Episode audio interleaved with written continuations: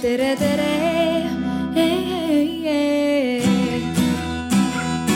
Eestimaa.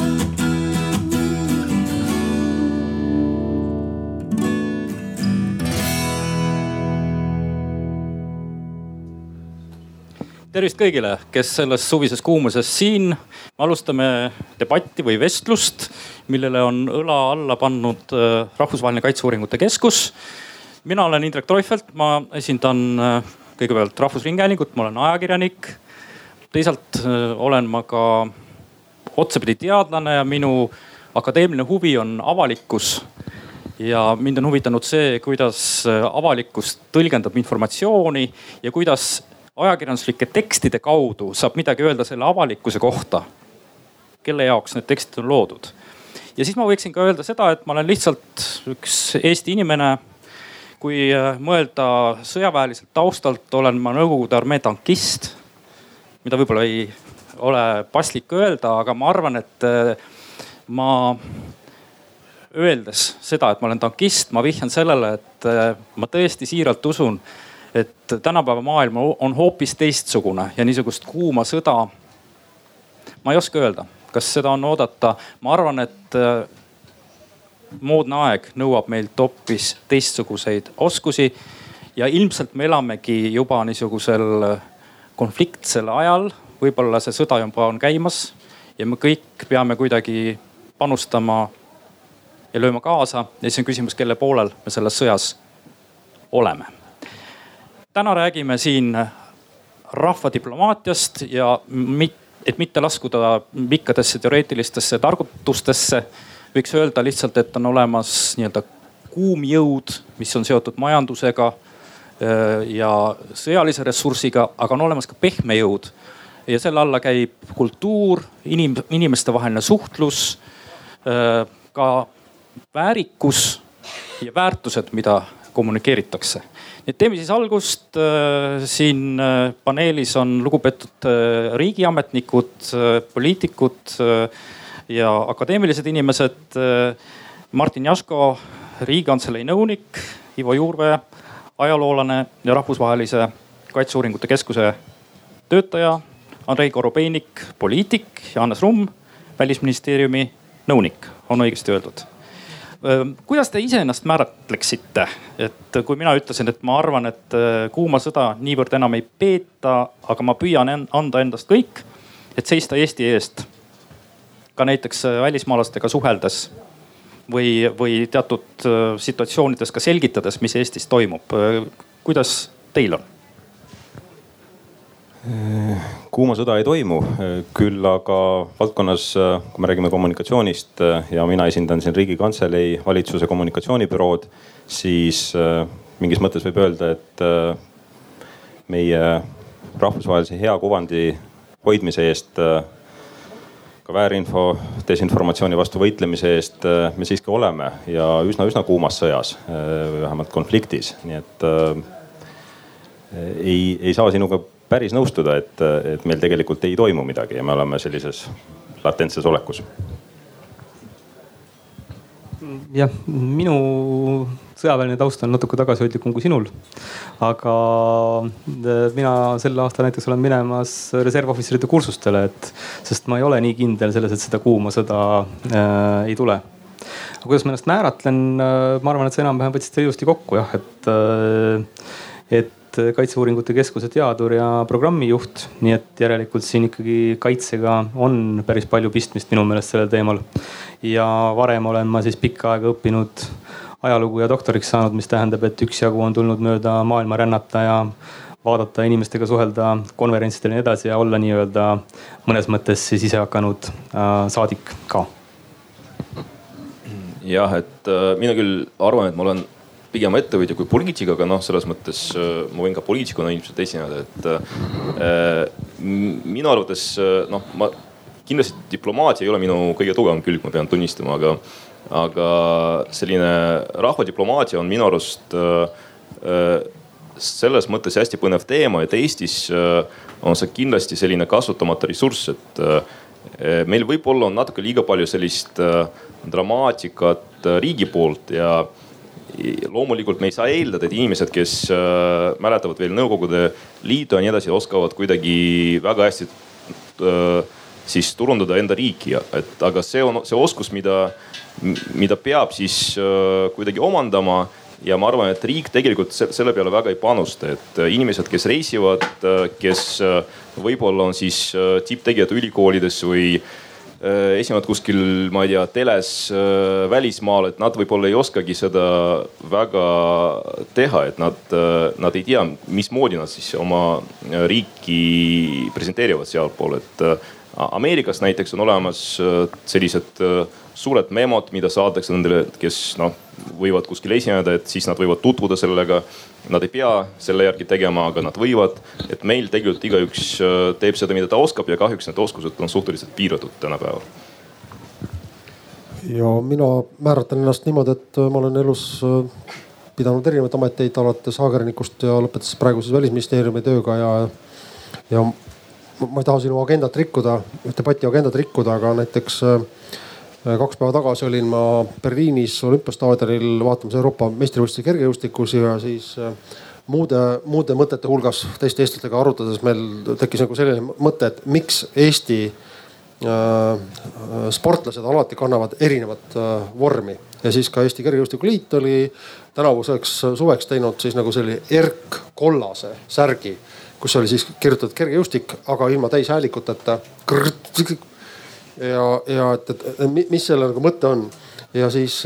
kõik need eestlased, kes olid seal staadionil, või peaaegu kõik need eestlased olid seal, olid siis mingid vanades sellistes sinistes särkides, kus oli Estonia peale kirjutatud ja keegi ei ostnud seda ära, et, et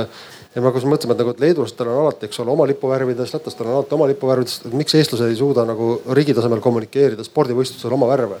Et meid on nii vähe, spordivõistlusel on nii hea võimalus seda teha, et miks me seda ei tee, et noh oligi üks, üks nagu mõte, mida võtsin oma töösse kaasa sealt. Te andsite mitu head vihjet, millega võiks edasi minna. üks neist näiteks puudutab seda, et kas võiks olla mingisugune riiklik noh instruktsioon või agenda. aga ma mõtlesin, et noh, tänapäeval ikka on see nõue, et peab olema hästi praktiline, mis te niisama jahute, et äh, alustame siis praktilisest asjast äh, ja võtame selle loo, et hispaanlased kaotasid raketi Eestis ja, ja te olete rahvusvahelisel konverentsil ja teil on võimalus anda oma tõlgendus. mida te ütleksite kusagil Euroopas, riigis X? kuidas te seletaksite, mis juhtus Eestis? pidades silmas rahvadiplomaatia huve.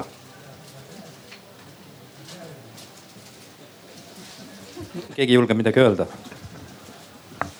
No kuna mina ei pea vastutama oma tööandja eest, siis siis ma arvan, et äh, siin tegelikult no ei ole ju rohkem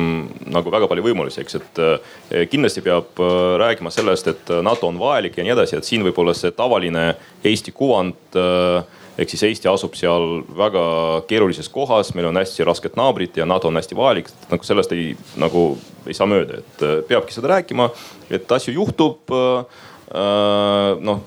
näiteks ma ei tea, noh selles, seda ma seal kindlasti ei räägiks, aga Ameerika näiteks kaotas äh, külma sõja ajal kaheksa tuumapommi, siiamaani pole leitud nagu lihtsalt infoks. et, äh, et üks neid, nendest näiteks on äh, kuskil viiekümne kilomeetri kaugusel Jaapanist ja Jaapan oli suhteliselt solvunud siis nagu tol hetkel, mis nagu täiesti arusaadav. aga noh, seda ei pea rääkima nagu seal ametlikult, aga mitteametlikult võib vihjada, et tegelikult nagu meil veel suht hästi läinud kokkuvõttes jah, no ma arvan, et ma ka väga sügavale nagu ei läheks, et ma ei ole piisavalt spetsialist, et öelda, et kuidas see lukustamine seal täpselt käib sihtmärgile ja, ja mis, mis seal edasi saab. aga no mida see kindlasti näitab, on tõesti see, mida on vist kuskil ka ajakirjanduses mainitud, see näitab seda, et lennukid lendavad. et nad on olemas ja et nad kannavad ka lahingpeadega rakette nende õppuste käigus, mis justkui peaks peaks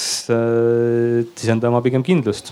ja see oli vist aastal kaks tuhat viis, kui Venemaa kaotas mitte ühe raketi, vaid kuus tükki, mis koos lennukiga kukkusid alla Leedus, mis toona oli juba NATO liige. nii et äh, jah, see oli üks Su kakskümmend seitse, mis siis lendas äh, Peterburist Kaliningradi poole saates koos teiste hävitajatega raadioluurelennukit. et äh, selliseid asju tegijal juhtub. mina arvan, et ega siin kui me räägime rahvadiplomaatiast, igaüks meist sattudes välismaale, kuidas seda intsidenti tutvustada. tutvustada. tutvustada, seletada ei Esitada. olegi ühtseid jutupunkte, küll aga millest võiks loht, jähtud, jähtuda, on, on see, et kui meie enda info on liikunud piisavalt hästi, kvaliteetselt ja meil on võimalikult vähe erinevaid selliseid spekulatiivseid tõlgendusi. ma arvan, et see aitab meil kõigil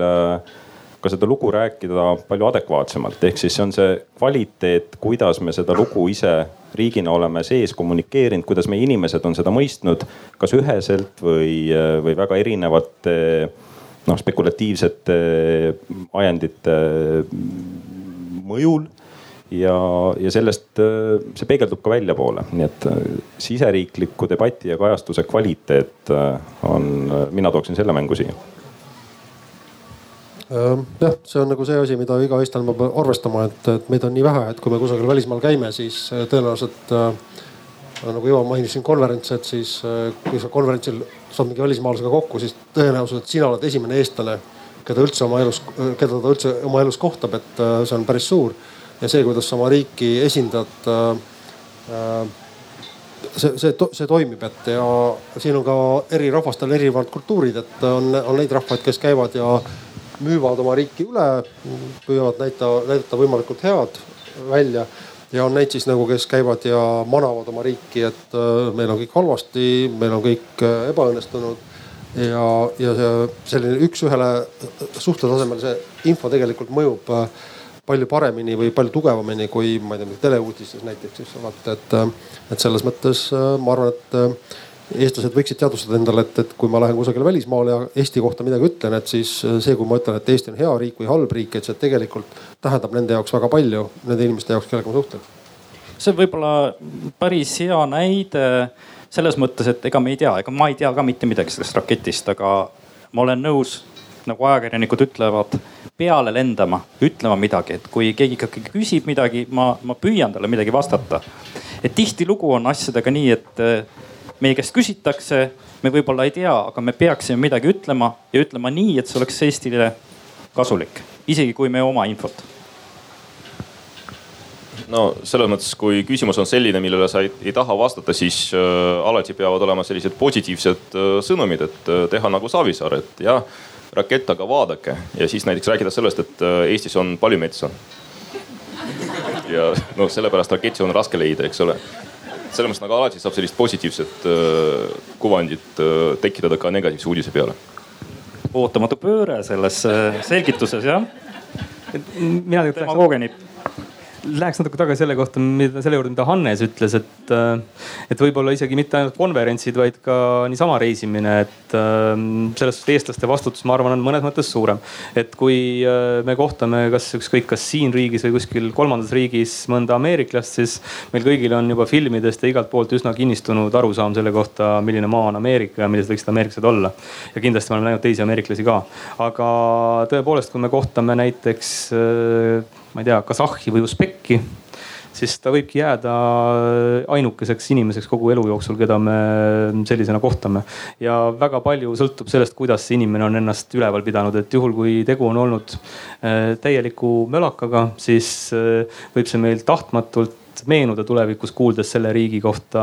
mingisuguseid uudiseid. ma arvan, et samamoodi paljude teiste riikide jaoks on, on ka eestlastega, et kui on mingisugune eestlane, kes on ma ei pea silmas konverentsi, eks ole, või noh, konverents on muidugi eriti hea koht, kus, kus käituda jobuna, aga, aga et äh, kui seda teha ka ükskõik kus, ma ei tea, rannas, kõrtsis või, või mujal, siis äh, on võimalik kellegi jaoks see, äh, see mulje sellest riigist ära rikkuda mis õigupoolest müüb, kui äh, rääkida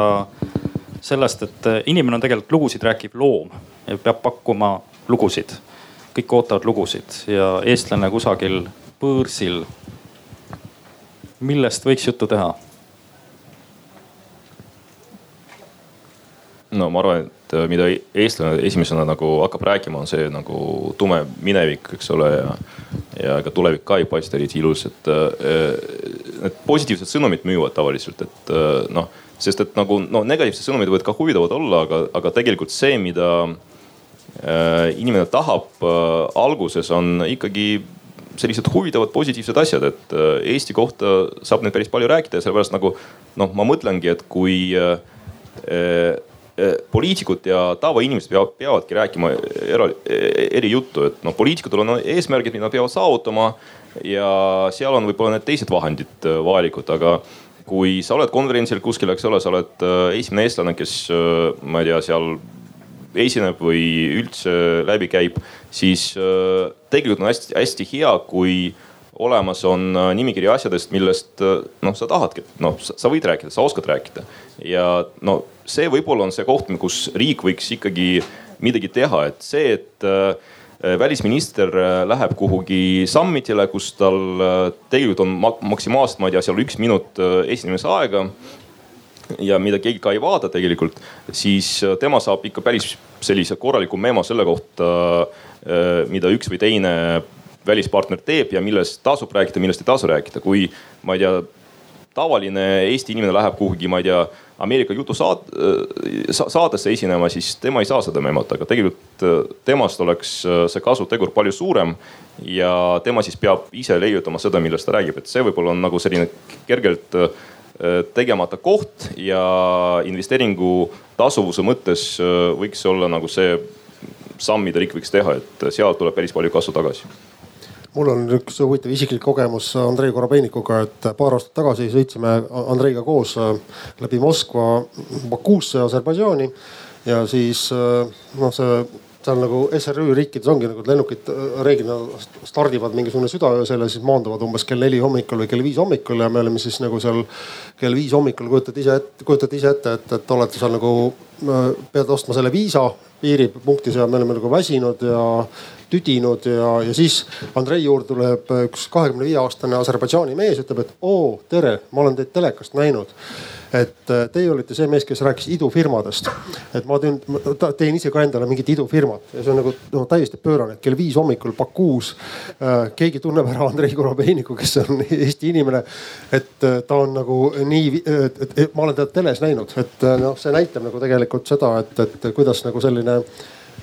üksiku inimese panus äh, toimib ja selle, selle inimese jaoks Eesti oli üdini positiivne näide ja Andrei oli siis see, kes seda, seda positiivset äh, näidet kehastas, et, äh, et täpselt see ongi see, et, et kui me ise käime kusagil mujal Eestis, et siis mis me rahvadiplomaatiana saame teha, ongi see, et, et, et Eesti A ei ole üldse tuntud peaks, peaks tegema Eestit tuntumaks ja B on siis see, et mida, mida, mida me ise arvame, et et äh, me oleme nagu selline e-riik ja digiriik ja, ja see, see kuvand on tegelikult väga tugevalt kohal. aga, aga seda kunagi ei ole piisavalt kohal, et äh, EAS tegi siis äh, eelmisel aastal, aasta tagasi ühe avaliku arvamuse küsitluse Läänemere Läänemere äärsetes riikides. ja siis küsiti sealt, et mis on, mis on teie jaoks e-Eesti siis nagu see e sidekriips Eesti ja, ja kui seda küsiti rootslaste käest, siis äh, kolmkümmend protsenti rootslastest arvasid, et kas see on midagi seotud mootorlaev Estoniaga, mis äh, üheksakümne neljandal aastal põhja läks. et noh, me, me arvame, et, et meie teame Rootsit väga hästi, aga me ei saa aru, et, et rootslased ei tea meist väga palju ja kohati need arvamused, mis meie kohta on, ei, ei ole nagu üldse need, mida me tahaksime omada ma jätkaks ka seda Andrei mõtet, et kui välisminister läheb, tal on äh, suur memopakk olemas, äh, teab, mida rääkida, see on see ametlik äh, diplomaatia liin. tõenäoliselt võime sama öelda ka meie mm, eksportivate ärimeeste kohta, kellel on pakutud tuge, on nad siis EAS-i näol erinevad esitlused, faktilehed, materjalid, mingi tugi on olemas. nüüd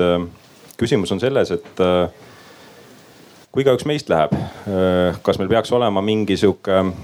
noh, ma ei saa, ütleme juba halb öelda, kokku lepitud, aga, aga kas võiks olla üks kokkulepe, ka mingi suunis või sinnapoole püüelda. et, äh, et me räägime ühte lugu, kas, kas keegi peaks selle julgelt välja ütlema, et äh, mis see on, mida me tahame, et räägitaks. kas initsiatiiv peaks olema selline isetekkeline või või ka valitsusasutused võiks siin mingil määral initsiatiivi näidata? niisiis peaks olema mingisugune tööriistakast nagu EAS-i puhul on öeldud, see on, puudutab eeskätt äh, just ettevõtteid, äh, eksporti, aga tavalisele inimesele peaks siis olema mingisugune juhendmaterjal, kuidas kutsume seda? ma arvan, et see oleks samm number kaks. esimene samm oleks see, et kas meil on see ambitsioon. Ja kas ja kuidas me selle defineerime, mis tasemel ühiskonnas no,? ma arvan, kindlasti ei saa olla niimoodi, et see on lihtsalt üks sõnum, eks ole, et äh, noh, sellepärast, et esiteks on olukorrad erinevad ja teiseks äh, inimestele võiks ikkagi nagu valikut pakkuda ja ta ei pea seda valikut üldse äh, nagu kasuta, nagu kasutama, sest et tal võib olla oma arvamus. aga asi on selles, et näiteks kui noh, sinu juurde tuleb keegi, kes räägib siis eesti no heliloojast, mis on tema meeldiv nagu, nagu lemmik helilooja, eks ole. siis äh, sa ei pruugi seda võib-olla äh, juttu üld, nagu sellest jutust üldse aru saada, sest et sa neid nimesid võib-olla ei tea. et mingid sellised faktid võivad olla ju tegelikult, et äh, igaüks, kes äh, esineb kuskil suurel konverentsil, eks ole, et noh, kaks tuhat inimest on saalis, viis tuhat inimest on saalis. pärast ikka tullakse sinna juurde, et küsitakse, et noh, Eesti väga huvitav, et äh, mul on nagu selline seos, aga kui äh, noh, selline tavaline inimene, kes ei ole välisminister, kes ei ole võib-olla tippärimees, läheb, äh, läheb sinna, siis ta ei pruugi üldse Eesti kohta teada nii palju, kui need teised inimesed teavad, et äh, need sõnumid võivad ju valikus olla ja siis ta võib valida seda, mis, mis talle noh paremini sobib. aga täna äh, nagu rääkida sellest, võib-olla nagu oleks selline üks sõnum, et Eesti on see ma arvan, isegi väike, väike riigi jaoks ei ole mõtet äh, nagu nii keskenduda, et pigem äh, see võiks olla lihtsalt nagu selline valik positiivsetest sõnumitest no,. ütlen siia vahele, et me ei mõtle siin logo, me ei mõtle siin mingisuguseid kauneid hüüdlauseid, vaid see on ikkagi mingisugune lugu. see on mingisugune noh, raskesti hoomatav öö, äh, eesmärk, kuhu me peaksime jõudma, et eestlane välismaal ta seisab Eesti eest ja kriisiolukorras ta oskab Eesti eest seista pigem see võib olla see, et äh, kui küsitakse, okei okay, nagu Eesti, aga mis, äh, mis see on, et miks ta, miks ta eriline on, siis no mida, mida siis Eesti inimene ütleb, et äh, no ma ei tea, Eesti on iseseisev riik nagu, et noh selles mõttes nice to know, et nagu loogiline, aga, aga mis need positiivsed sõnumid, et nad ei, nagu ei pruugi pähe tulla kohe esimesel katsel. jah, see on soovitan vaadata kõigil ettevõtluse arendamise sihtasutuse koduleheküljel, et seal on siis paar sellist PowerPoint äh, slidishow'd, mis on äh, ette valmistatud ja mida saavad kõik tasuta kasutada äh, Eesti kohta. ja nendest kolmest slidishow'st üks on siis selline minu meelest jutumärkides väga eestilik, et seal on siis nagu kümme kõige halvemat asja, mida Eesti kohta teada ja siis, kui sa selle PowerPointi avad, siis selgub, et Eestis on hästi kõrge otsi tase. Eestis on hästi palju enesetappe ja veel niimoodi nagu, nagu kümme sarnast fakti, siis ma mõtlen nagu, et miks, miks, miks ometi me, me peame maailmale ise, ise rääkima enda kohta neid kõige halvemaid asju. et ma ei tea, mida EOS äh, mõtles, kui nad sellise slaidishow tellisid, aga, aga jätkuvalt see slaidishow on üleval. töötas välisministeeriumis, ma tean, et ükski diplomaat seda slaidishow'd kunagi ei kasuta, aga, aga äh, see pidigi siis nagu näitama mingit enesekriitikat või, või kuidagi oma nõrkustest üleolekut. aga ma ei ole kindel, et see nagu väga hästi töötab. see pidi näitama rahvuslikku masohhismi või midagi taolist. aga äkki need olid need punktid, millest ei tohi rääkida, kui sa välismaal oled? midagi läks nihu ja. ei, need on väga hästi vormistatud äh, professionaalsed äh, PowerPoint slaididena, nii et äh, kui keegi läheb, siis võib neid välismaal kasutada, et ma küll soovitan võtta need teised slaidid seal, mis, mis räägivad sellest, et Eestis on väga palju näiteks sood ja rahvastiku tihedus on palju väiksem kui Hollandis, kümme korda vähem kui väiksem kui Hollandis ja et ja no võib-olla on see, et kui keegi tahab rünnata Eestit näiteks, siis ta loeb selle läbi ja mõtleb ümber, et see võib-olla on mingi suurem plaan, millest me ei tea jah, või tahab mingi abiorganisatsioon tuua siia suurt äh, abi meile, aga mõeldes Martini küsimuse peale, siis mõtlen, et noh, et siin on võib-olla kaks suunda, et üks on mingisugused igapäevased probleemid, et äh, a la tõesti, et mis teil juhtus äh, põhja läinud laevaga või mis teil juhtus raketiga. ma mõtlen, et praegusel ajal, kui neid äh, suuniseid või sellist kohta, kus seda järgi vaadata ei ole, siis tõenäoliselt ongi Eesti meedia äh, see, eks ole, kust me kõik selle kohta infot ammu, ammutame. tänu eesti keele oskusele me saame sellest palju paremini aru kui välismaalased ja kui mõni välismaalane küsib, siis me saame lihtsalt vahendada seda, mis, mis on meil meedias. jõuame tagasi jälle selleni, et äh, see meie siseriiklik kommunikatsioonitöö tase, eks ole, väljendub ka välismaal. aga laiemalt ütleme selle kohta, et mis on Eestis toredat, et et äh, äkki me peaksime vaatama ka haridussüsteemi poole, et sealt võiks üht-teist äh, meelde jääda. Äh, see, mida Andrei siin juba mainis, eks ole, metsad, et meil rahvastikutihedus on väike, eks ole, mida meil nähtakse tihtipeale halva asjana, aga see, et meil on ruumi inimeste jaoks ja meil tõepoolest on palju metsa ja, ja üsnagi puhas loodus. ja noh, muud asjad on loomulikult ka, eks ole, meie digiedu lugu ja muud asjad, et mind millalgi eelmisel aastal vist jah, kutsuti pidama loengut teemal, et äh, mille poolest või noh, et mis on olnud Eesti edu alus. Äh, ja alguses saades selle teema, siis ma nagu ei mõelnudki selle peale, et näed, kas siin ongi nii väga palju edu nagu olnud või, või äh, on ju palju asju, millega mitte rahul olla. aga seda teemat nagu hiljem läbi vaadates ja siis eriti kui võrrelda siis teiste riikidega, kes olid enam-vähem samal stardipositsioonil üheksakümne esimesel aastal, siis selgub tõesti, et meil on ikkagi läinud ikkagi üsna hästi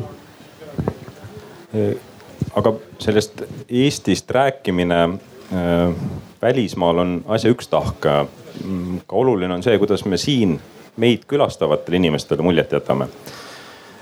Äh, mullu sügisel mul oli võimalus kohtuda Eesti Giidide Ühingu esinaisega ja muuhulgas tuli jutuks see, et äh, nende käe alt käib läbi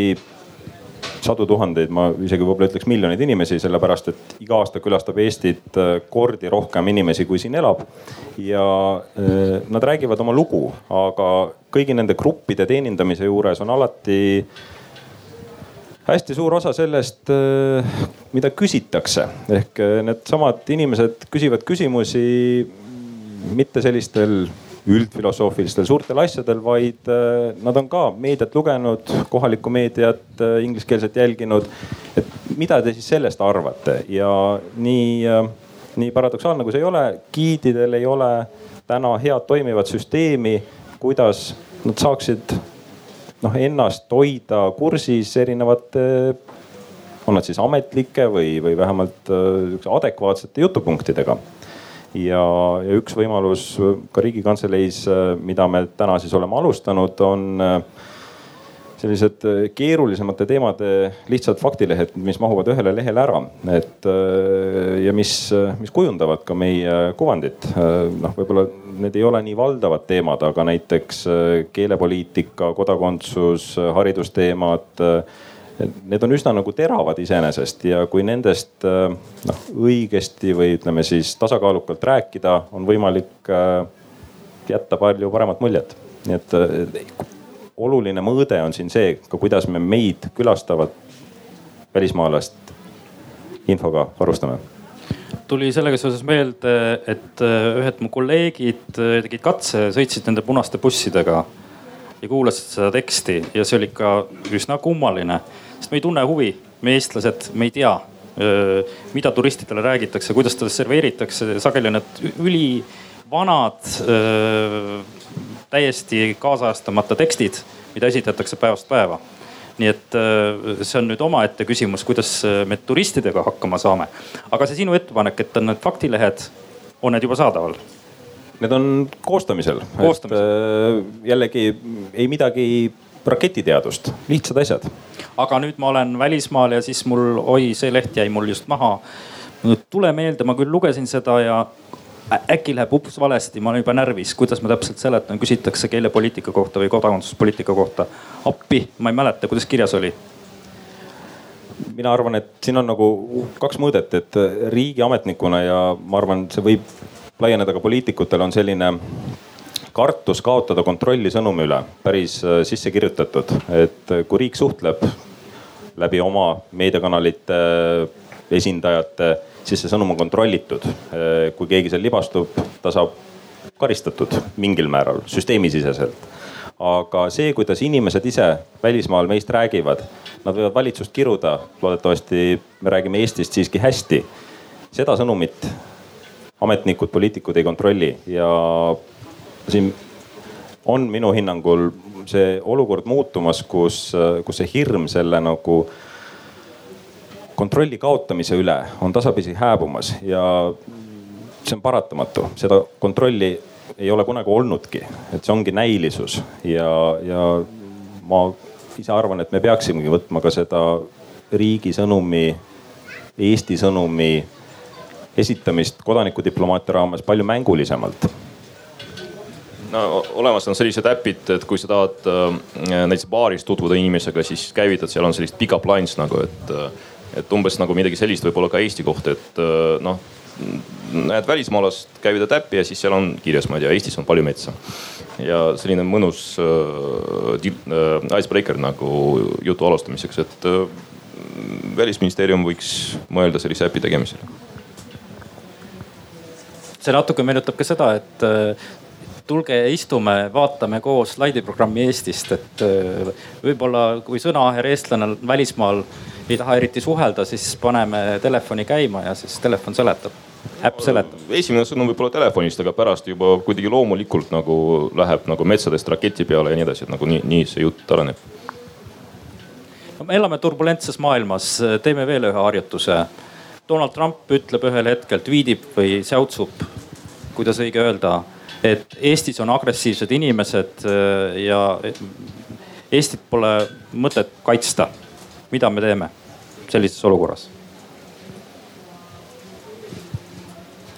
noh, siin on üks Eesti ülesanded ongi see, et, et tehakse ju avaliku arvamuse küsitlusi ja kui võib-olla Ameerikat ma ei tea, aga ka erinevates Euroopa riikides on tehtud avaliku arvamuse küsitlusi, et, et kas meie riik peaks äh, sekkuma, kui, kui näiteks äh, Venemaa ründab äh, Balti riike ja siis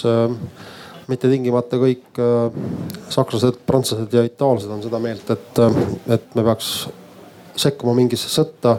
Eesti, Läti või Leedu pärast ja see on äh, Eesti riigi jaoks äh, üks nagu pikaajaline äh, kommunikatsiooni ülesanne, et, et, et tutvustada ennast ja teha siis ka eri, eri partneritele, partnerriikidele, partnerriikide avalikkusele selgeks, et, et miks me oleme, miks me oleme olulised. et poliitilise eliidi tasemel on see, on see arusaam kohale jõudnud, aga, aga seda on vaja ka polsterdada mm, avaliku arvamuse tasemel, tasandil, sellepärast et, et kui, kui ikkagi avalik arvamus on mingi, mingile asjale väga vastu, siis ka seal nende riikide poliitikud äh, võivad ühel hetkel joonduda mitte siis nagu rahvusvahelise poliitilise eliidi järgi, vaid, vaid oma, oma rahva enamuse järgi. siin võib-olla peab ikkagi no mõtlema selle kuvandi peale, mis äh, väljapoole jääb, et kui näiteks äh, Eesti peaminister viidib midagi sellist Ameerika kohta, siis ma ei usu, et äh, Donald Trump nagu väga tunneb ennast kuidagi teisiti nagu sel päeval, et Eesti tegelikult võiks nagu lihtsalt öelda, et me oleme võrdväärsed partnerid, oleme üks NATO osapooltest ja selles mõttes noh, see on isiklik arvamus, mis ei ole nagu nii väga oluline antud kontekstis, et noh, selles mõttes me kipume nagu üle tähtsustama neid negatiivseid sõnumeid, mis tuleb, tuleb siis äh, ühest või teisest kohast, aga noh, tegelikult äh, nad ei olegi nii väga olulised, et me, me võib-olla nagu enda reaktsiooniga teeme neid suuremaks, et noh, alati ei pea nii käituma. Ma olen paljuski nõus ja ma arvan, et sel hetkel võib-olla on juba mõneski mõttes hilja rapsima hakata, et et äh, see asi peab olema natukene proaktiivsem või et äh, peame katsuma, et no ütleme näiteks kui äh, praegu, ma ei tea, ma ütleksin midagi halba Andrei kohta, see oleks esimest korda, kui üldse temast keegi midagi kuuleb, siis võiks see talle külge jääda. kuna tegelikult on juba tuntud inimene, siis ei oleks sellel nagu mitte mingisugust, mingisugust vahet. ja ma arvan, et mis nagu võiks nii-öelda tavainimese ülesanne olla, on, on see, et et, need välismaalased, kes tema sõbrad või tuttavad on, teda ka usaldaks, et kui nad siis küsivad tema käest, et mis värk sellel Trumpil on või, või mis teil seal lahti on. et siis ja siis sa annad enda selle arvamuse selle kohta, et siis oleks juba eelnevate kuude või aastate või aastakümnete jooksul tekkinud mingi usaldus sinu kui, kui kõne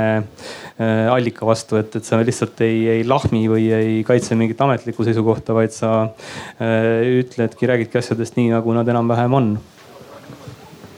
ja mul jääb nõustuda eeskõnelejatega, et äh, see on sihuke eneseusu küsimus, kui, äh, kui palju me sihukest asja sisse võtame. ja võib-olla see ei olegi nii väga see kodaniku ja rahvadiplomaatia teema, kui, kui, kui meie kui riigi, ma ei oskagi öelda, täiskasvanumaks saamine. me räägime rahvadiplomaatiast, kõlab uhkelt. diplomaatia, see justkui on seotud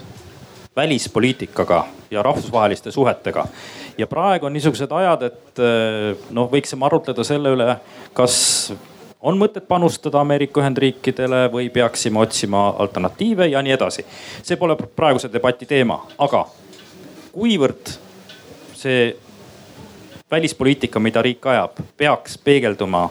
rahvadiplomaatias. kas rahvadiplomaatia on ka kuidagiviisi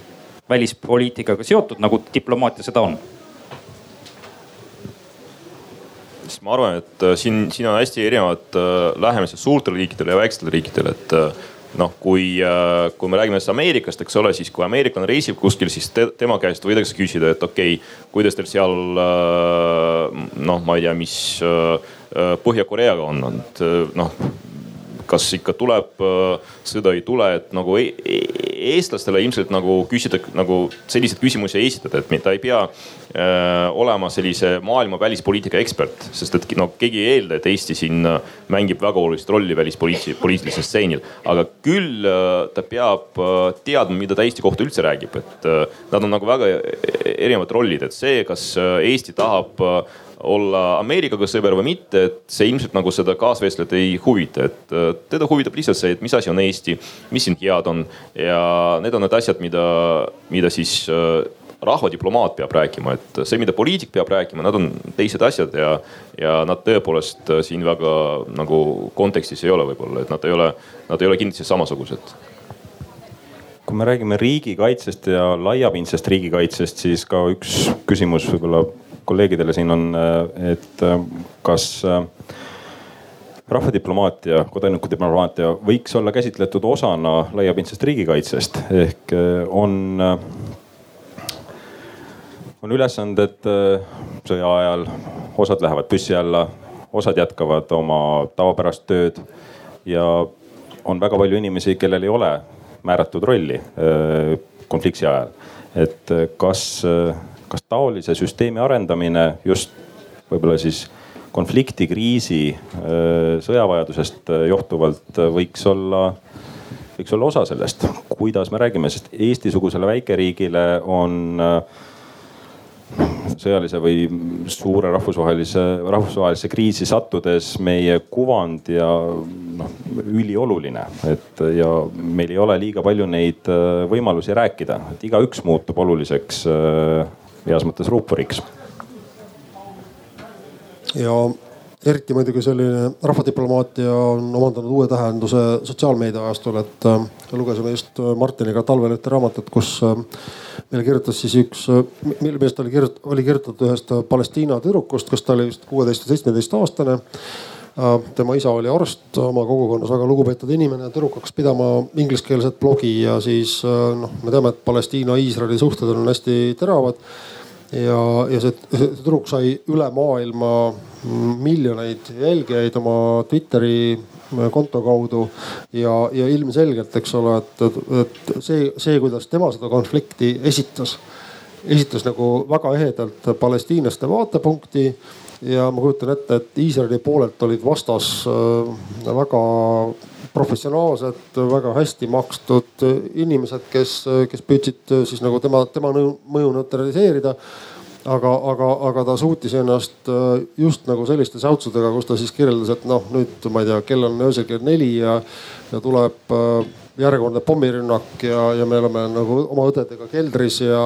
ja kui õudne see on ja ma kardan oma tuleviku pärast ja no kõik, kõik sellised inimlikud ja, ja üldmõistetavad asjad olid äh,, olid äh, olid väga hästi jälgitavad ja, ja ta, ta suutis oma sõnumi kehtestada tõesti miljonitele inimestele maailmas. kuna tal oli väga palju jälgijaid Twitteris, siis hakkasid ka mingid päris ajakirjanikud temaga ühendust võtma, tema käest äh, muljeid küsima, et, et ma ei tea, kuidas siis, kuidas siis tänased pommirünnakud läksid, eks ole, ja, ja see, see on küll õnneks selline näide, mida ma loodan, et Eestis kunagi vaja ei lähe, aga et, et äh, näitab, et sotsiaalmeedia ajastu äh, ka sellise rahvadiplomaatia on viinud äh, teisele tasemele ja, ja Eesti valitsus ja Eesti riik peaks ka selleks valmis olema. no üks, üks mõiste on väärikus, mida võib ka kommunikeerida ja mida öeldakse, tuuakse näiteid, et näiteks Šveits on väärikas ühes või teises situatsioonis. kuigi võib-olla võrreldes majandusliku võimekusega, kuigi Šveits on väga rikas riik, aga kui me paneme edetabelisse, siis me näeme, et Šveits ei ole absoluutnumbritelt kõige esimene. samamoodi Põhjamaad, võtame mis tahes Skandinaavia riigi, võib-olla numbritelt ei ole nii võimsad, aga on väärikad ja väärikus on nende kuvand. nüüd jälle maailmas on asjad muutumas, rahvusvaheline õigus, mingid printsiibid, mis on kehtinud, need enam ei kehti. Ja on teatav oht, näiteks võtame sedasama Ameerika, kes võib-olla ei täida üht või teist väärikuspõhimõtet, mida siis teha? ehk siis küsime lihtsamalt, kas on, on oht, et mingil hetkel me peame kaitsma oma väärikust ma ei tea, ma võib-olla ei saa sellest küsimusest ikkagi aru, aga ma arvan, et väärikus tuleb olla, väärikas tuleks olla nagu igapäevaselt, et äh, see ei ole jällegi mingisugune selline asi, et äh, ma ei tea, käitud suvaliselt äh, päevast päeva ja siis mingisugune ühel hetkel äkki hakkad väga väärikaks ja no ütleme samamoodi äh, sa mainisid siin Põhjamaid ja, ja Šveitsi, eks ole. millest ma arvan, neutraalsetena tuleksid siis peamiselt äh, Šveits ja Rootsi äh, kõne alla. et kui vaadatakse siis täpsemalt nagu, kuidas nad oma seda neutraliteeti teise maailmasõja ajal ellu viisid, siis tekib seal terve rida küsimusi vähemalt ja, ja väärikusest võib see asi olla kaugel. et ma pigem ikkagi arvan, olen ka seda meelt, et äh, need võiksid olla mingisugused natuke äh, pidevamad ja pikaajalisemad protsessid, et me ei saa mingisugune äh, mingi väga lühikestele ja kiiretele röögatustele mm, lootma jääda. jah, muidugi võib juhtuda väga õnnelikke juhuseid või no okei okay,, võib-olla nad on ka riigi poolt ette valmistatud mõnikord, aga et, et selliste siiraste blogijate või väga siiraste inimeste, kes koguvad väga kiiresti miljoneid äh, vaatajaid internetis, me ei saa sellisele asjale ette kindlad olla. et juhul, kui oleks olemas väga kindlad valemid, äh, kuidas seda saavutada, siis oleks reklaamifirmad seda juba leidnud, et nagu näha on, siis nad on seda mingil määral võib-olla leidnud, aga, aga mitte alati, et, et midagi sellist nagu Hannes kirjeldas, sealt alati välja ei tule ma olin võib-olla oma jutu sägune, aga, aga ma püüan olla nüüd konkreetsem ja ka see on ikkagi hüpoteetiline situatsioon. aga on ju niisugune mõiste olemas nagu paariariik. noh, riigid, kellel on halb kuvand. nii, sealt edasi minnes võime mõelda, et Euroopas on mõned riigid, mille puhul me arvame, et me ei hakka konkreetselt siin rääkima. mille puhul me ütleme, no nad käituvad kuidagi nagu kummaliselt, ei tea, miks nad nii käituvad, see päris ei ole euroopalik, nii ja naa. juhul kui Eestis tekib selline pöördehetk ja no ütleme, valdav Euroopa ütleb, et noh, kummaline küll oli enne selline väärikas riik, aga nüüd ei ole justkui. mida siis teha? kas te saite mu mõttekäigust aru? no siin on esiteks äh, tõepoolest, et noh, Šveits, Šveitsi näide oli tegelikult päris hea, et, äh, et see, mida nad tegid äh, teise maailmasõja ajal ütleme suvalisele riigile see nagu nii lihtsasti võib-olla ei õnnestuks, et äh, Nad küll natuke nagu äh, rikkusid oma mainet sellega, aga kuna neil oli nii korralik maine nagu enne, siis, äh, siis nad ikkagi ujusid sealt välja, et nagu noh, kui seal oleks nagu Ungari-laadne riik, eks ole, mis teeks sellist asja, siis äh, ilmselt nagu nende maine oleks nagu täiesti hävitatud, et Eesti puhul noh, meil ikkagi on natuke vähe seda aega selleks no olnud, et äh, seda mainet nagu üles ehitada, et äh, tõepoolest, kui siin sisepoliitiliselt juhtub mingi ebameeldiv üllatus, siis seda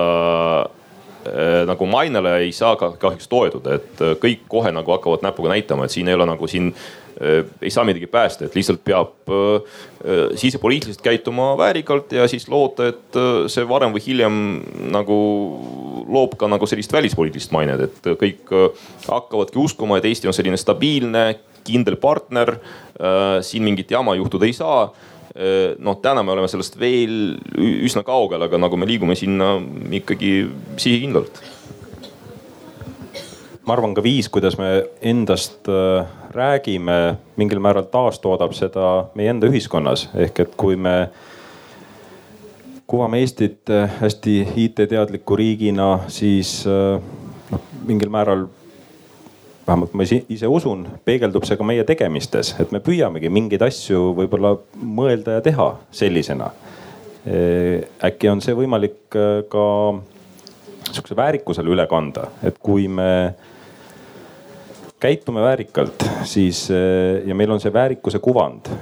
mida sa just mainisid, see paneb ka täiendava kohustuse meile mitte seda rikkuda, sest eestlasele väikse rahva esindajana on justkui väga oluline, millisena me välja paistame. meile on see isegi olulisem, ma väidan, kui, kui suure rahva esindajale võib-olla no siin võib võrrelda näiteks Eestit äh, Leeduga, et äh, sõltumata sellest, kes on Eesti president või peaminister või kes on valitsuses, et äh, siis Leedu hoiak läbi kahekümne viie aasta on olnud selline, et nad on palju koleeri, koleerilisemad oma rahvusvahelistes sõnum, sõnumites kui, kui Eesti või Läti. ja see on nagu täiesti teadlik strateegiline valik olnud Eesti ja Läti poolelt, et me ei ütle, me ei kasuta diplomaatilises suhtluses või poliitikutena väga kurje ja, ja jõulisi sõnu. ja see on see, mida Leedu on teinud ja lihtsalt ma, mulle, mulle väga meeldib, et Eesti on otsustanud, et me oleme palju tasakaalukamad, palju vaoshoitumad ja et meid ei tunta Euroopa Liidus või NATO-s sellele, kes, kes alati ütleb Kremli kohta kõige, kõige, kõige kurjemaid ja kõige jõulisemaid sõnu, et, et see kas see nüüd on nagu väärikus või pra pragmaatilisus, ma arvan, see on nagu hea kombinatsioon mõlemast, et, et, et see on, see on nii, nii väärikas käitumine kui ka mõistlik käitumine, et, et äh, alati ei ole vaja olla klassis see laps, kes, kes kätt püsti ajab ja tahab sõna saada. seda võiks nimetada siis röökivaks välispoliitikaks, mida Leedu harrastab. ma hea meelega hea meelega ütleksin, et äh, ma küll töötan välisministeeriumis, aga praegu avaldan oma isiklikku arvamust, et, et, äh, et jah, tõesti, et, äh, et Leedu on võtnud sellise rolli. Eesti on sellest rollist loobunud ja ma arvan, et Eesti on väga mõistlikult käitunud. kui Leedu saadik kutsub sind välja, siis no tervita ja nii edasi no ma panen siit võib-olla jälle ebamugavusse olukorda, aga ikkagi tahtsin küsida selle Gruusia kohta, et noh inimesed ütlevad, mul on mitu head kolleegi, filmiprojektid on näiteks, mis on olnud edukad just Gruusiaga koostöös. eestlased käivad seal, eestlastel on seal ettevõtted, eestlased nõustavad seda riiki ja nüüd kümme aastat Gruusia sõjast ja meil ei ole seal kõrget äh, esindatust. miks see nii on, kes kommenteerib?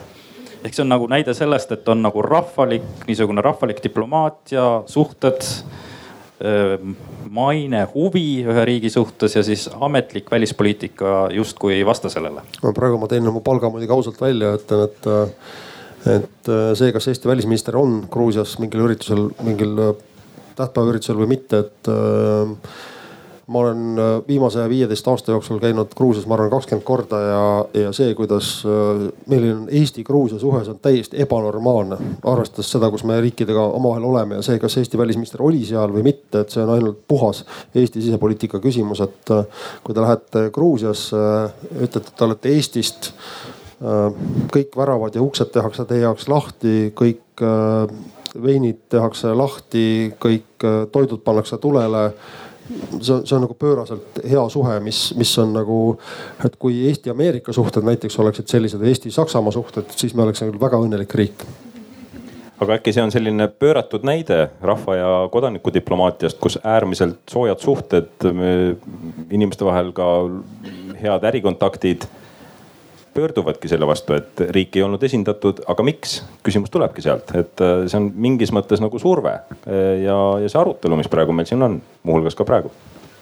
no inimesed ju vaatavad, kes seal poodiumil seisavad, et äh, kõik teised riigid on, kõik teised on, see on ju argument, kõik teised on, aga Eesti miskipärast ei ole esindatud. selliseid situatsioone on ju veel, kõik teised ka väga tseremoniaalseid äh, üritusi, kus noh, pelgalt lihtsalt kohalolek äh, on oluline linnukese pärast nii-öelda, aga ikkagi. no Indrek ikka täitsa selgelt, et äh, Eesti-Gruusia suhe on selline, et, et seda küll ma ma, ma ei kujuta ette, mida Eesti peaks tegema, et seda suhet rikkuda. see, et kas keegi kusagil on poodiumil või mitte, et see, see, see küll mitte mingil moel seda Eesti-Gruusia emotsionaalset emotsionaalset suhet ei, ei mõjuta. ma ei räägi isegi Eesti-Gruusia suhetest, aga ma räägin üldisest Eesti kuvandist, et vaadatakse, ah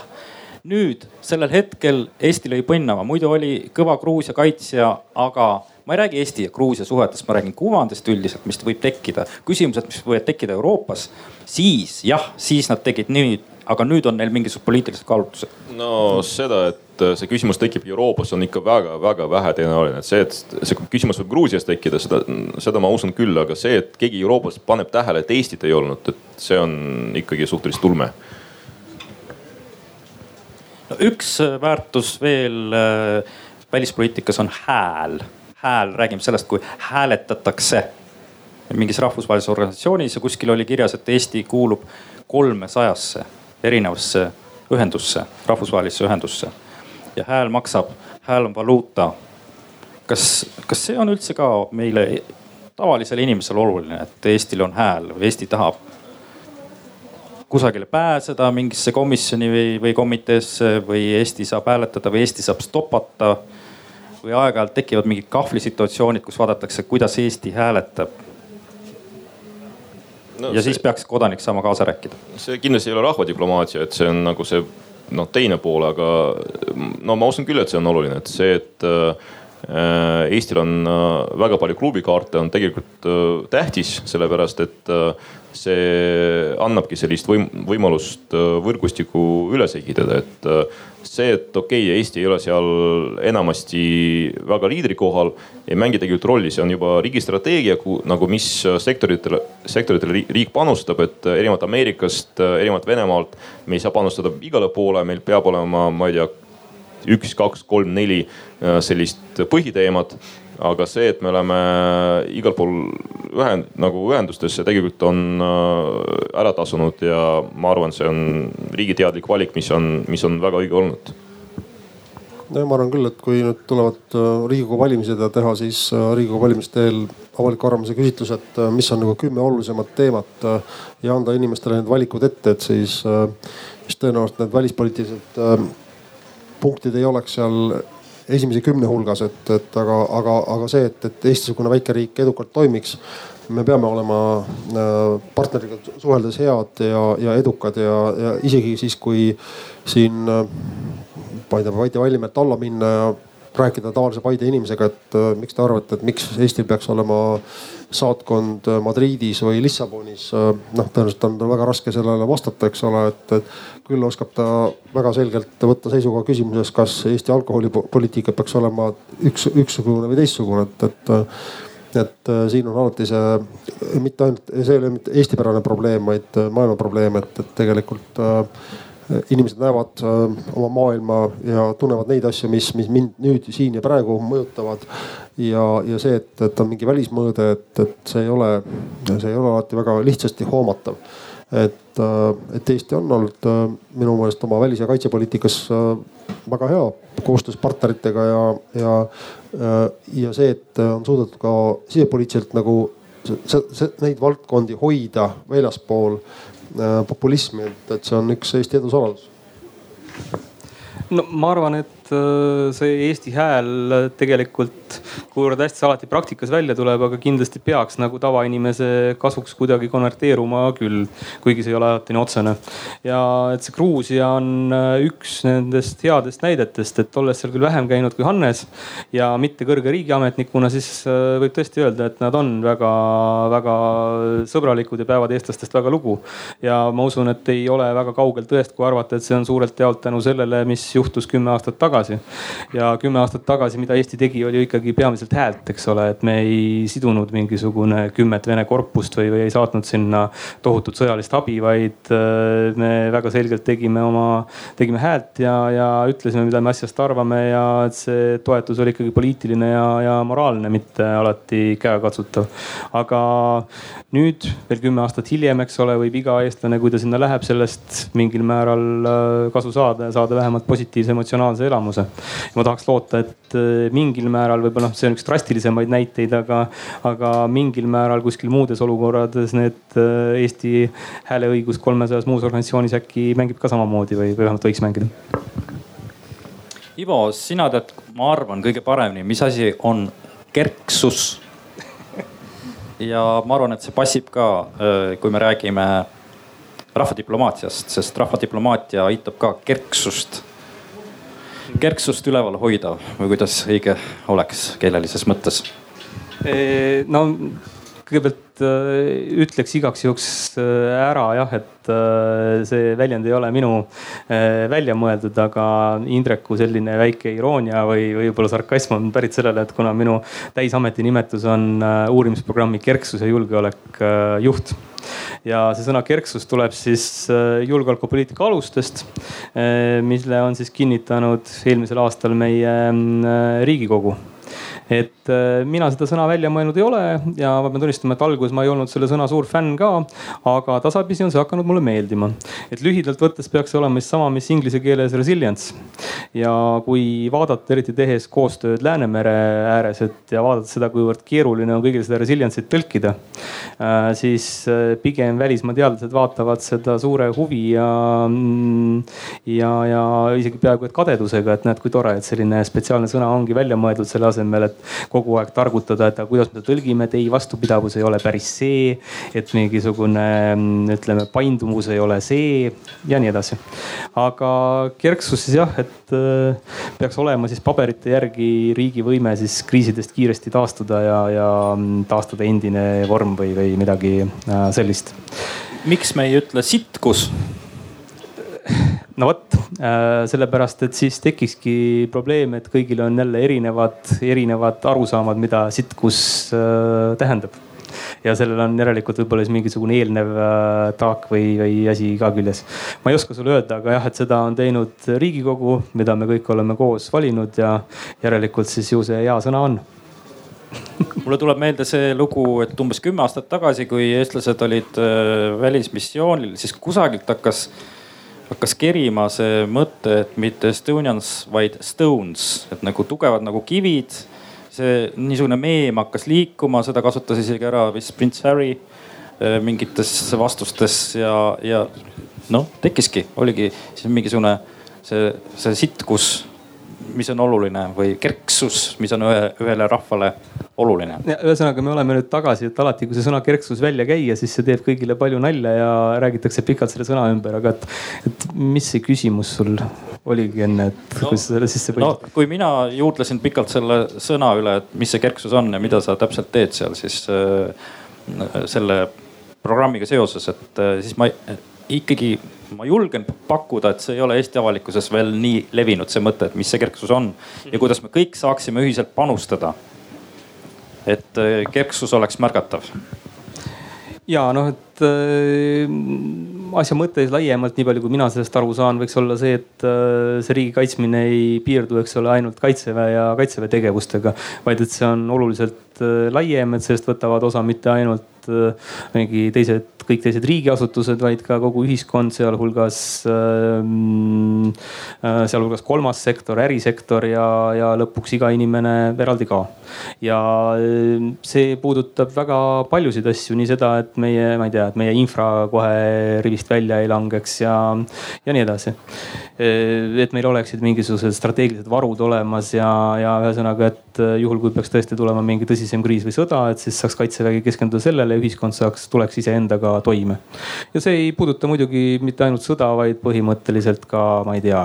et me ei oleks iga lumetormi pärast või, või tõsisema üleujutuse pärast kohe, kohe maoli eh, maas kuidas see puudutab seda praegust teemat, mis meil siin plokis on, siis ma arvan, et, et ka suhteliselt otseselt, et no see, et äh, meile, kui me hädas oleme, meile appi tuldaks või äh, et meil oleks sõpru äh, õigel ajal, et on kindlasti üks osa meie riigi, meie riigi julgeolekust või meie kõigi heaolust no kui rahvadiplomaatiast rääkida, siis noh, see on jällegi selline sõnumite valik, eks ole, et kui rääkida sellest, et äh, sa oled selline noh, tugev, eks ole, et äh, no ma ei tea, sõjavägi on võimas, siis no tavaliselt, kui sa nagu seda juttu räägid, siis tegelikult äh, see tähendab seda, et nagu teised seda väga ei usu. et kui nad, kui nad usuvad, siis sa ei pea seda rääkima, sest et noh, kui ma ei tea, räägime Iisraelist näiteks, eks ole, siis äh, tavaline selle riigi kodanik, ta ei hakka rääkima seda, et neil on ülitugev sõjavägi, sest et noh, seda teavad kõik nagunii. et noh, ta pigem räägib sellest, et neil on startup'ide arvu poolest esikoht Euroopas, eks ole, et nagu Eesti on teisel ja, ja nii edasi, et noh, alati tasub keskenduda nagu sellistel sõnumitel, mis kõnetavad noh, noh vastaspoolt, eks ole, et kas just see sõjaline teema on see, mida nagu Eesti puhul Äh, peab siis äh, no ma ei tea, konverentsil välismaalasega nagu arutama, et no ei pruugi olla. aga poliitikutel on jällegi noh, kindlasti teine teema, teised eesmärgid. et väikse ühiskonna puhul jällegi me saavutada kerksust äh, ei ole võimeline, me ei ole võimelised seda ainult professionaalidega ja viimastel aastatel me oleme näinud Eestis hästi palju sihukest vabatahtlikkuse puhangut, muuhulgas ka riigikaitse ja elanikkonnakaitse valdkonnas. meil on äh, kiiresti kasvanud kaitseliitlaste arv abipolitseinike arv, meil on tekkinud merepääste, vabatahtlik merepääste suur võrgustik üle Eesti. ja see on paratamatu, meil lihtsalt ei jätkugi neid inimesi, ressursse ja mingi osa nendest funktsioonidest on täitsa loomulik, et tehakse ühiskondlikus korras ja ma jällegi võib-olla tulen nagu ringiga tagasi selle oma algselt välja pakutud idee juurde. kas ka rahvadiplomaatia, kodanikudiplomaatia puhul, mis äh, edendab riigi välispoliitilisi huve, võiks olla selline, ma ei ütle organisatoorne lähenemine, aga ikkagi riigi poolt antud raam, suund, mis aitaks neil inimestel, kes tahab seda teha, seda teostada. ja ütleme, tehniliselt noh, me võimegi siin jääda rääkima, mis asjad need on, on need jutupunktid, on need mingid esitlused, on need selged sõnumid, on need asjad, et see ei pea olema asi, mida peab rääkima, aga kui sa tahad, kui sa tunned seda, et, et see on sinu loomuses, siis ole hea riik on ainult ja me tervikuna oleme selle üle õnnelikud. kas me tahame võib-olla publikule sõna anda? Ma olen ka tähelepanelik kuulaja. ma tean, et äh, kõige rumalamad küsimused on need, mis on jäetud küsimata. sellepärast ma küsin kõigilt, kaasa arvatud ka moderaatorilt, et äh, kaks kiiret küsimust, kaks kiiret vastust. Need võivad olla hästi rumalad küsimused, aga seda te võite ka öelda. et äh, kuidas te suhtute heidutusse? heidutus, see tähendab mida? et ma näitan potentsiaalsele vaenlasele suuremat nuia, et mul on suurem nui, järelikult tema peab veel suurema nuia. Ehk ma tahan küsida teilt, kas see heidutus kui selline viib inimkonna hukule? võidu relvastamine on see sisuliselt, nii saan mina asjast aru või ma saan valesti aru. ja teine kiire küsimus, mis juhtuks Eestiga siis, kui Eesti deklareeriks esimese riigina maailmas, et me oleme relvavabad. noored mehed ei lähe armeesse teevad iivet ja ühtegi relva meil ei ole, kas meid süüakse ära, tuleb suur karu, pistab nahka või ei juhtu midagi kahekümne esimesel sajandil ja võib-olla äkki hoopis maailm saab sellest ühe hea mõtte nagu koristamist algutel, et võib-olla tõesti ei olegi vaja relvi, saaks ka ilma elada. see on sihuke ulmevaldkonna küsimus, et mis juhtuks, kui ühel hetkel Eestis ei oleks ühtegi relva, mis Eesti ja rahvaga juhtuks, oskate öelda? no sina said oma mikrofoni tagasi. ma pean juba vastama, ma mõtlesin, ma jään viimaseks ma heidutuse kohta tegelikult ütleks äh, paar asja, et noh, see tuleviku ennustamine on alati selline keerukas asi, eks ole, et me seda ei tea, aga ajaloost me võime õppida küll ja nagu külm sõda näitas, siis tegelikult heidutus pigem äh, päästis maailma, kui, kui ta äh, hukule viis. et äh, tõenäoliselt äh, jah juhul kui oleks olnud heidutust, sealhulgas tuumaheidutust, siis ma arvan, et need äh, aastakümned, äh, mida me siis tunneme külma sõjana ehk siis umbkaudu neljakümne viiendast aastast üheksakümnenda aastani oleksid olnud, olnud palju verisemad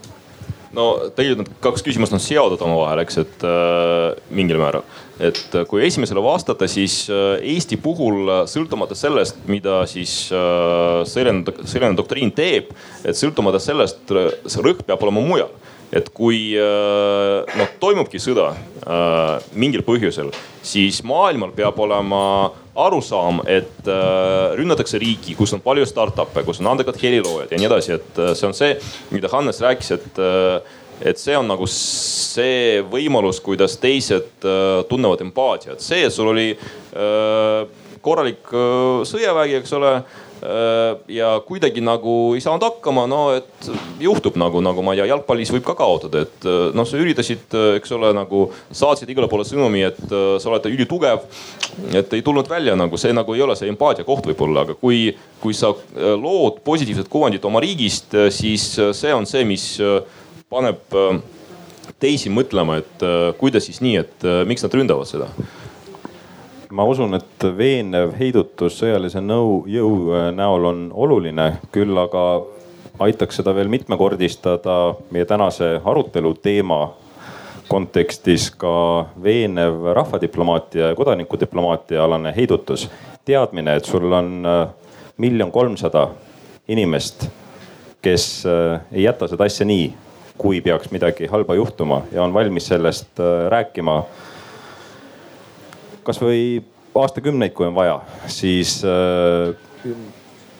mina ütlen, et see on oluline heidutus. mina oskan omalt poolt öelda, et, äh, et Eesti, äh, kui Eesti loobuks üldse kaitsekuludest, ei läheks maailma ajalukku, sest on olemas selline riik nagu Costa Rica, kus ei ole kaitseväge. Nad hoiavad metsikult raha selle arvelt kokku aga, aga kui me vaatame, et kus asub Costa Rica Põhja- ja Lõuna-Ameerika vahel ja kus asub Eesti, et mina küll ei soovitaks Eestit proovida Costa Rica mudelit, et äh, see võib äh, väga kalliks maksma minna. ma arvan, et äh, inimloomusega on seotud vastandid. ütleme siis niimoodi, et elu ei ole ilma surmata ja rahu ei ole ilma sõjata, paraku see nii on. ja inimese puhul ka inimene võib minna endast välja, ta peab ennast valitsema. ja ühiskonnaga on sama lugu et äh, selleks on vaja mingisugust äh, äh, ressurssi, et saada hakkama. ainult, et jah, ma arvan, et nagu ma ütlesin hakatuseks, et ma arvan, et nüüdisaja sõjad on teistsugused, et eeskätt üritatakse rünnata avalikkust, põhiväärtusi üritatakse inimesi, inimestes nagu tekitada ebakindlust ja seda, noh, seda on karta ka Eesti, Eesti äh, ühiskonnas, et äh, selles mõttes me peaksime olema igal juhul äh, mingi, mingite relvadega varustatud, iseasi, kas need on siis need klassikalised relvad või on need mingisugused teistsugused, näiteks infosõjaga seotud relvad. kas veel küsimusi?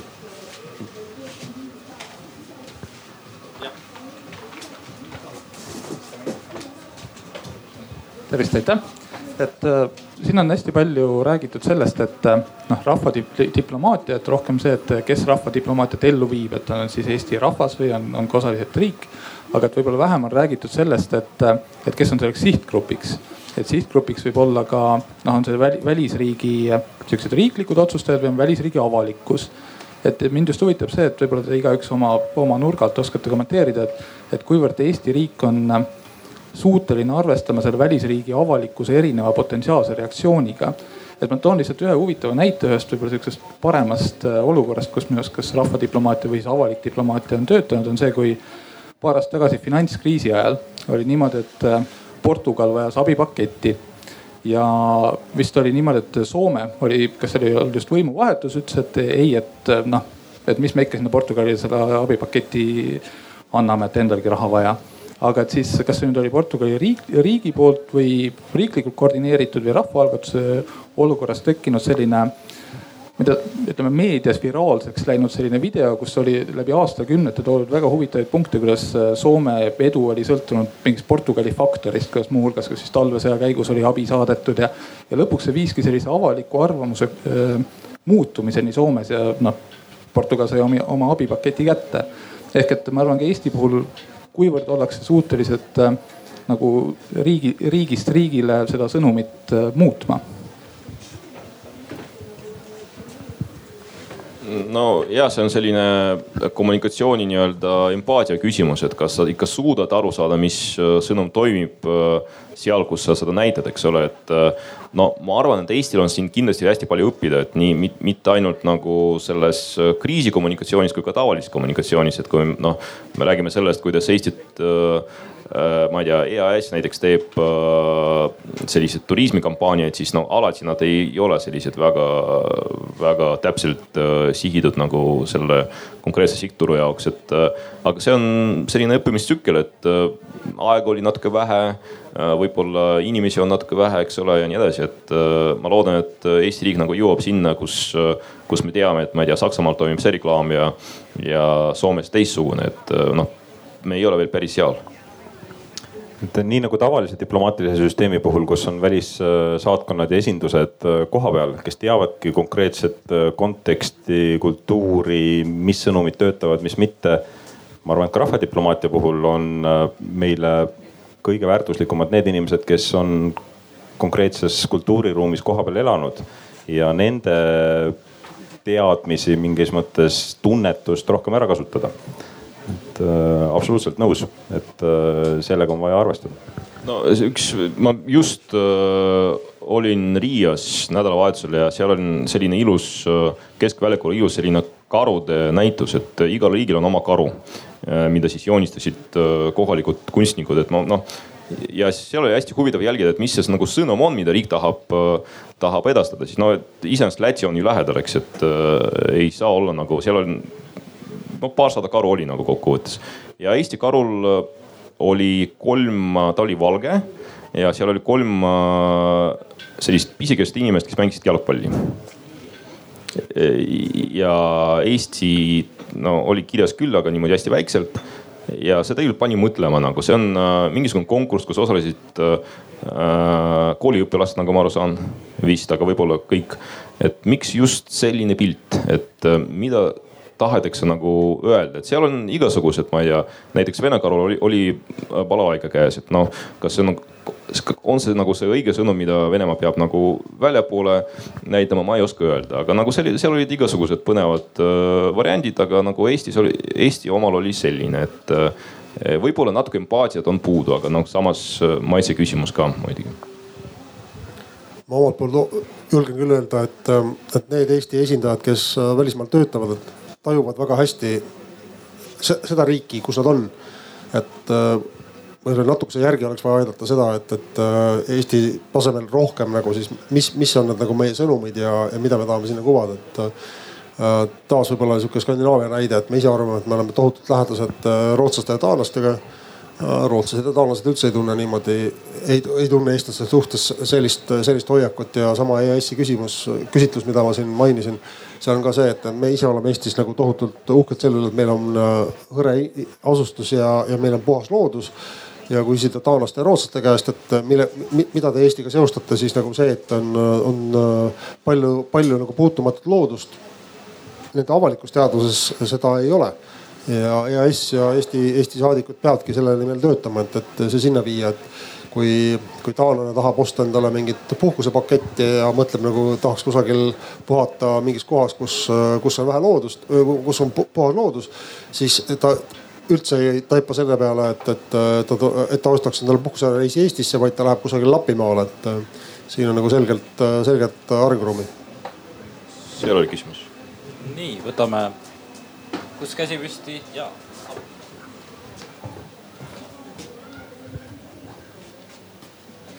Mina olen mees Jõgeva lähedalt. minu küsimus, Eestis on toimunud kaks suurt pauku Eston Kohver. no ma ei hakka lugema seda varandust, mis tal kaasas oli. ja muidugi see viimane pauk. mil määral need paugud on kujundanud Eesti kuvandit? Mitte see, et kaitseminister pidi ära lõpetama oma puhkuse. see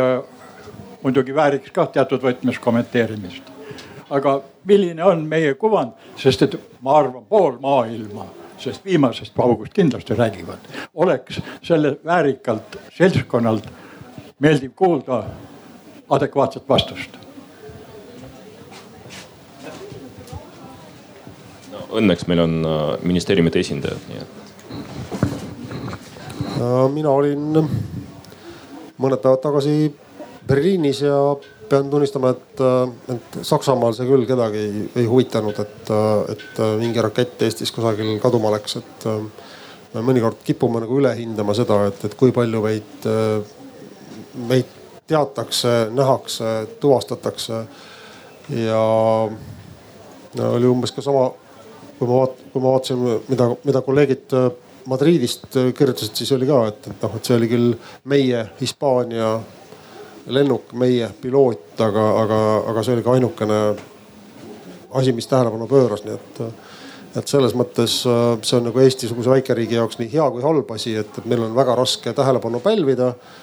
aga, aga ka halbade asjadega me reeglina äh, ei suuda äh,, suuda nagu maailma uudiskünnist äh, ületada, et võib-olla üks Eesti kommunikatsiooni ajaloost äh, Äh, Andrei kodulinnast Pärnust on parim näide, et, et kaks tuhat üksteist septembris oli see, kui, kui pärn-, pärnakad jõid metanooli ja kuuskümmend või seitsekümmend inimest jõi ennast surnuks.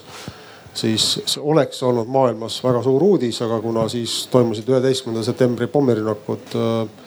äh, New Yorgis siis ja, ja Washingtonis, et siis see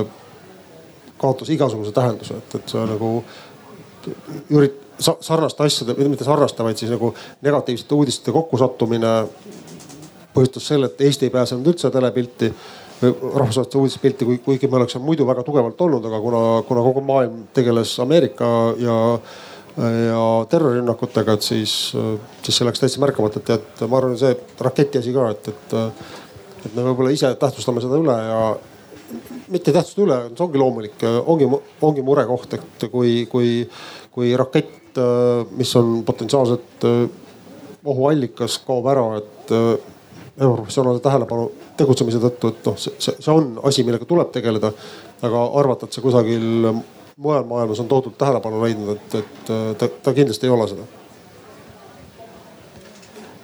nõus Hannesega ja lisaks vaid seda, et ta on andnud Vene Föderatsiooni meediale ja ka sealsele propagandale päris palju ainest äh, NATO suunal äh, rünnakuid äh, üles tõsta, aga isegi mitte nii väga Eesti kontekstis kui just sisepublikule ja NATO kui tervik, kui selline, mis mittetoimiv organisatsioon nende vaatest, nii et äh, aga jah, ma pakun, et, et me ei ole selle nagu kajastuse, rahvusvahelise kajastuse keskmes antud juhul ja et äh, ma usun, et eks see päris adekvaatne vastus sellele kõigele, et kuidas see muutub meie kuvandit, äh, huvitaks meid kõiki ja kahjuks meil ei ole vist sellist pidevat kuvandi mõõtmist kõigis riikides, et, et näha, kas see on üldse mingisuguse jõnksu kaasa toonud või, või, äh, või kuidas see toimib, et sellist uuringut meil ei ole. ja kuna mina vaatasin ainult natuke ka, mida Venemaal selle kohta öeldud on, et siis selle sa juba rääkisid ära, et siis võib-olla Eston kohvrist, et ma arvan, et, et see juhtum pigem ka pälvis huvi mitte niivõrd seoses Eestiga, vaid, vaid äh, seoses Venemaaga. et ta ikkagi läheb nagu sellesse pikka jadasse mingisugune, kus meil on Litvinenko mõrv, äh, kus meil on Skripalide mõrvakatse ja nii edasi, mis näitas siis, näitas, eks ole, toona Vene eriteenistuste kasvavat agressiivsust. et see ei ole nagu päris igapäevane asi, et kedagi teiselt poolt piiri, piiri röövitaks, kuigi jah, noh, kõige kuulsam selline juhtum on, eks ole, Venlo intsident kolmekümne üheksandast aastast, kus siis äh, sakslased umbes samasuguse äh,, samasuguse triki tegid. No tegelikult äh, no välismaa meedia jaoks, noh, see võib olla üsna tavaline asi iseenesest, et ta ei ole mingi selline, mingi selline põnev uudis, aga noh,